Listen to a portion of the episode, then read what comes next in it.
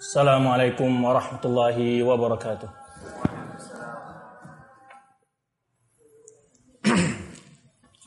إن الحمد لله نحمده ونستعينه ونستغفره ونعوذ بالله من شرور أنفسنا وسيئات أعمالنا من يده الله فلا مضل له ومن يضلل فلا هادي له أشهد أن لا إله إلا الله وحده لا شريك له وأشهد أن محمدا عبده ورسوله لا نبي بعده يا أيها الذين آمنوا اتقوا الله حق تقاته ولا تموتن إلا وأنتم مسلمون يا أيها الناس اتقوا ربكم الذي خلقكم من نفس واحدة وخلق منها زوجها وبث منهما رجالا كثيرا ونساء واتقوا الله الذي تساءلون به والأرحام إن الله كان عليكم رقيبا يا أيها الذين آمنوا اتقوا الله وقولوا قولا سديدا. يصلح لكم أعمالكم ويغفر لكم ذنوبكم. ومن يطع الله ورسوله فقد فاز فوزا عظيما. أما بعد فإن أصدق الحديث كتاب الله وخير الحديث حديث محمد صلى الله عليه وسلم وشر الأمور محدثاتها وكل محدثة بدعة وكل بدعة ضلالة وكل ضلالة في النار. kaum muslimin sidang jamaah jemaah rahmati Allah Subhanahu wa taala. Dengan tanpa ada rasa bosannya kita senantiasa bersyukur kepada Allah Subhanahu wa taala atas limpahan rahmat dan karunia yang diberikan Allah kepada kita sehingga pada saat ini kita masih diberi kekuatan oleh Allah Subhanahu wa taala semangat dan keinginan untuk beribadah kepada Allah Subhanahu wa taala semoga Allah Subhanahu wa taala senantiasa menerima ibadah-ibadah yang telah kita lakukan dan senantiasa memberikan kepada kita keikhlasan dalam melakukan ibadah tersebut. Salawat dan salam buat Nabi kita Muhammad sallallahu alaihi wasallam sebagai suri tauladan kita dalam menjalankan ajaran agama yang mulia ini dan merupakan salah satu syarat untuk diterima sebuah ibadah adalah adalah dengan mengikuti petunjuk Rasulullah sallallahu alaihi wasallam dalam melaksanakan ibadah tersebut.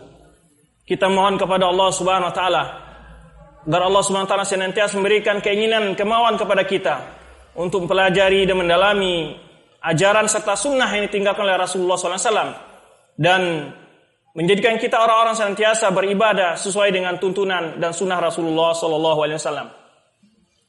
Kaum muslimin sidang jamaah jemaah rahmati Allah Subhanahu wa taala. Salah satu problematika bangsa dan umat saat ini adalah yaitu berbicara masalah karakter. Atau dengan topik lain kita akan bicara tentang korelasi antara akidah dan akhlak atau karakter seseorang. Karena ada dua kutub yang berbeda pandangan di sini.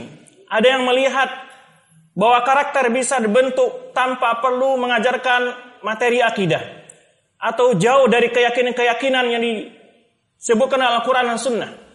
Di kutub lain ada orang yang berpandangan yang penting saya berakidah benar, berakidah salaf ahlu sunnah wal jamaah akan tetapi tidak tercermin di dalam tingkah laku kesehariannya menggambarkan sebagai orang berakidah benar yaitu di sisi akhlak tingkah laku dan tutur bahasanya.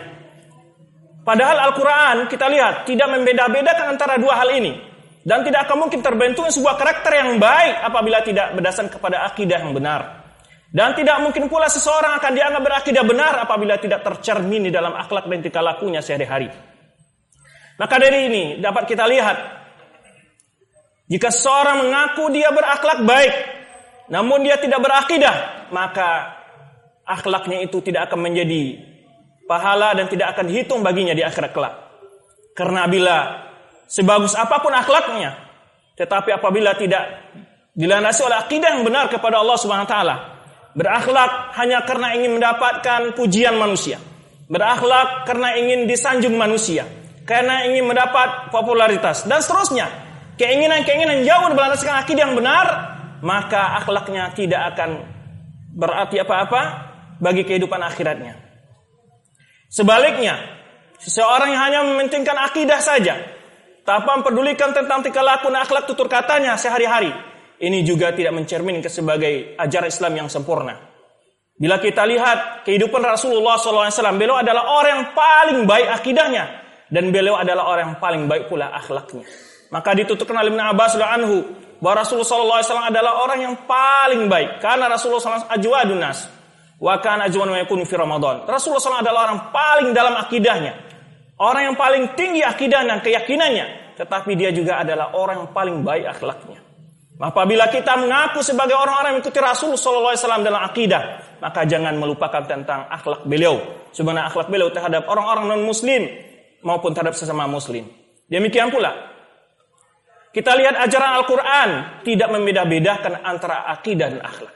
Apabila kita menyisihkan atau membedakan antara akidah dan akhlak, berarti kita telah terjerumus ke dalam sifat-sifat yang dicela oleh Al-Quran. Sebagaimana Allah Subhanahu firman-Nya, "Afa tu'minuna bi ba'dil kitabi wa takfuruna bi ba'd?"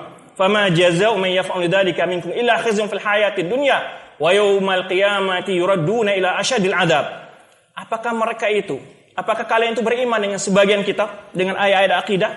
Lalu kalian tidak beriman dengan ayat akhlak? Atau sebaliknya kalian mengambil ayat-ayat tentang akhlak, budi pekerti yang baik dan tidak mempelajari tentang akidah-akidah yang benar? Allah Subhanahu wa taala apa tu'minuna bi ba'dil kitabi wa takfuruna bi Fama jazum fajaza'u may yaf'alu dzalika minkum. Tidak adalah balasan orang berbuat demikian kata Allah Subhanahu wa taala illa khizyun fil hayatid dunya.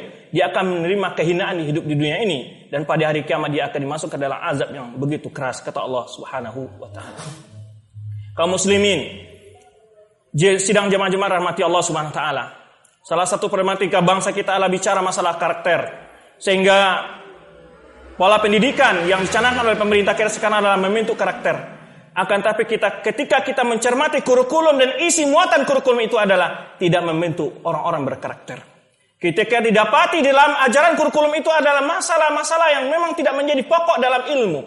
Seperti hubungan dengan berpacaran, hubungan uh, pergaulan suami istri yang diajarkan kepada anak-anak yang berpendidikan SD. Ini menunjukkan bahwa karakter yang buruk yang diajarkan kepada anak, bukan karakter yang berdasarkan keimanan. Maka oleh sebab itu banyak sekali ayat Al-Quran yang mengkaitkan antara iman dengan akhlak. Banyak sekali hadis Rasulullah SAW mengkaitkan antara iman dan akhlak. Tidak akan mungkin baik akhlak seseorang apabila dia tidak beriman kepada Allah Subhanahu Wa Taala. Maka oleh sebab itu Aisyah ditanya oleh orang bin Zubair salah seorang tabi'in ayat apa yang turun pertama sekali Aisyah menyebutkan kisah mufassal itu ayat bercerita tentang akidah dan surga dan neraka kemudian Aisyah menyebutkan kalau seandainya waktu di Mekah Rasulullah SAW melarang orang untuk berzina, mereka tidak akan berhenti. Rasulullah SAW melarang orang untuk berminum khamar, mereka tidak akan berhenti. Melarang dari akhlak-akhlak buruk lain tidak akan berhenti. Kenapa? Karena mereka belum memiliki akidah yang benar. Rasa takut kepada Allah, rasa beriman kepada surga Allah, rasa beriman kepada neraka Allah Subhanahu wa taala. Tidak meyakini adanya hari pembalasan. Maka oleh sebab itu, dua konsep yang selalu menjadi poin utama oleh para ambiya dalam menyebutkan doa mereka adalah mengikhlaskan ibadah kepada Allah dan beriman kepada hari akhirat. Oleh sebab itu kita dapatkan Al-Quran banyak sekali illal ladzina amanu. Illal amanu billahi, illal amanu billahi wa yaumil akhir. Kecuali orang beriman dengan Allah dari akhir. Selalu dikaitkan antara iman dengan Allah dan hari akhir. Apa artinya? Bahwa di sini adalah mengingatkan orang untuk mengikhlaskan ibadah kepada Allah dan balasan yang diingatkan terhadap perbuatan-perbuatan yang kita lakukan di bumi ini atau di dunia ini. Sedang jamaah-jamaah rahmati Allah Subhanahu wa taala. Jika kita coba mentelusuri ayat Al-Quran bicara tentang iman dan akhlak. Di mana Allah sebutkan dalam surat Al-Hujarat. Dalam surat ini terdapat beberapa ayat mengkait antara iman, antara akidah, keyakinan yang baik dengan perbuatan atau tingkah laku yang baik pula. Sebagaimana firman Allah Subhanahu wa taala, "Ya ayyuhalladzina amanu in ja'akum fasikum binaba'in." Wahai orang-orang yang beriman, dipanggil orang-orang yang berakidah benar, orang yang beriman kepada Allah, orang yang mengaku beriman kepada para malaikat, Orang yang mengaku beriman kepada kitab-kitab Allah. Orang yang mengaku beriman kepada para anbiya Allah. Orang beriman mengaku pada iman beriman kepada hari akhirat. Orang beriman kepada takdir dan baik dan buruk dipanggil oleh Subhanahu wa taala, "Ya ayyuhalladzina amanu in ja'akum fasikum binabain." Jika ada orang fasik yang membawa berita kepada Anda, kepada kalian, fatabayyanu. Ini adalah akhlak yang baik diajarkan Islam. Hendaklah kalian lakukan cross check adakan klarifikasi. Tidak sebagaimana yang terjadi masa baru-baru ini. Menebarkan isu, memfitnah sebuah negara orang lain yang selama ini berbuat baik untuk Islam, sebagaimana isu menyebarnya tentang adakannya pemugaran kubur Rasul sallallahu alaihi wasallam. Anehnya, orang yang menyebarkan yang selangsung menganggapi dan bersemangat mengelola, membahas isu itu adalah orang-orang yang menjadi simbol di sebagai ketua dan seterusnya di salah satu ormas Islam di Indonesia.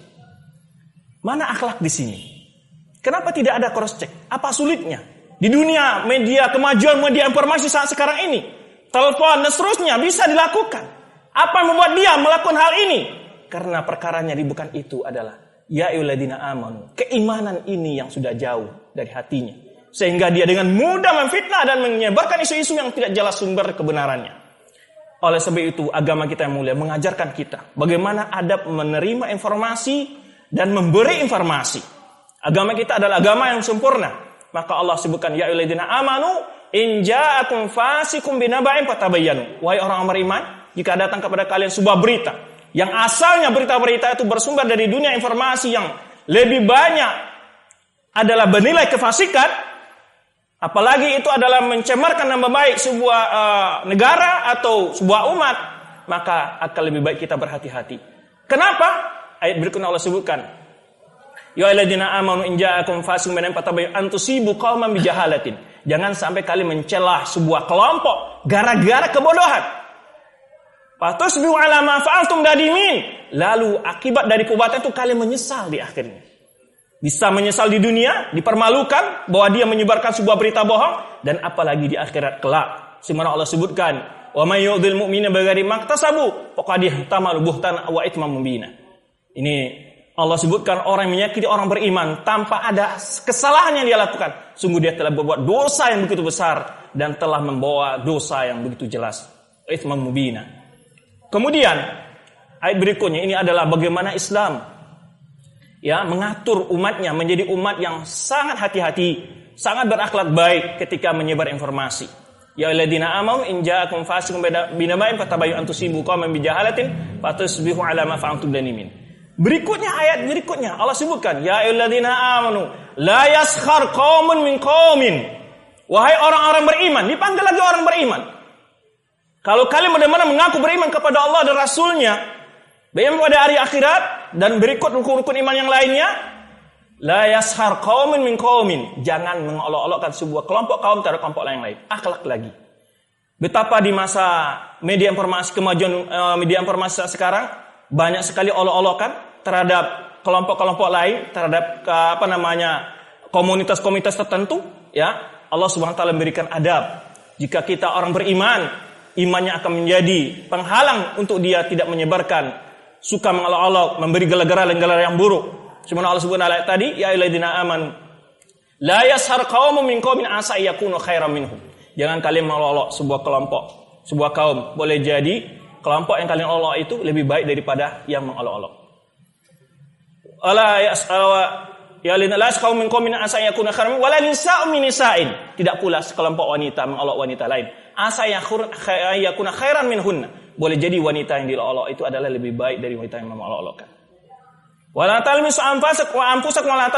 bil alqab. Jangan kalian menghinakan diri kalian, jangan kalian menyebarkan gelar-gelar, sebutan-sebutan yang dalam rangka menghina dan memojokkan dan melecehkan. Sebenarnya sebutan-sebutan yang menyebar Wahabi, sebutan bermacam-macam ekstremisme, kemudian pundata, pundata, punda, uh, apalagi radikalisme, kemudian berbagai macam istilah-istilah yang tujuannya adalah ingin menyatukan kehormatan kaum muslimin di hadapan manusia lain. Jika kita lihat lagi, sabda Rasul Shallallahu Alaihi Wasallam menggambarkan kain antara akidah yang benar dengan akhlak yang baik. Rasul kita bersabda dalam sebuah hadisnya, "Man kana yu'minu billahi wal yaumil akhir falyakul khairan aw liyasmut." Orang yang beriman dengan Allah dan hari akhir yang tadi kita sebutkan bagaimana dikaitkan antara iman kepada Allah dan hari akhir. Falyakul khairan, hendaklah dia ucapkan kata-kata yang baik saja atau lebih baik diam. Apabila kata-kata kita tidak akan bawa sebuah ini di dunia informasi ataupun di Facebook ataupun media-media sosial lainnya tidak akan membawa kebaikan bagi umat ini, lebih baik berhenti dan diam. Falyakul khairan liyasmut. Dikaitkan lagi dengan kehormatan uh, antara akhlak kehidupan bermasyarakat. Maka na'minu billahi wal akhir fal yukrim dhaifa. Orang beriman dengan Allah dari akhir hendaklah menghormati tamunya. Maka na'minu billahi akhir fal yukrim jara. Fal yukrim jara. Barang siapa beriman dengan Allah dari akhir hendaklah dia menghormati tangganya dan dalam riwayat lain janganlah dia menyakiti tangganya dan seterusnya banyak sekali hadis-hadis dan banyak sekali dalil-dalil dalam Al-Quran yang mengkait antara iman dengan akhlak yang baik. Maka inti yang ingin kita sampaikan di sini adalah tidak akan mungkin bisa dibentuk karakter ya di tengah-tengah bangsa ini yang jauh dari pendidikan akidah yang benar. Dan sangat tidak mungkin orang mengaku berakidah benar apabila tingkah laku dan akhlaknya tidak sesuai dengan akhlak Al-Quran dan akhlak Rasulullah Sallallahu Alaihi Wasallam. Barakallahu lakum fil Qur'an azim wa nafa'ani wa iyyakum bima fihi min al-ayati wa dzikril hakim aqulu ma tasma'u astaghfiru wa lakum wa lisal muslim fastaghfiru innahu wal ghafurur rahim.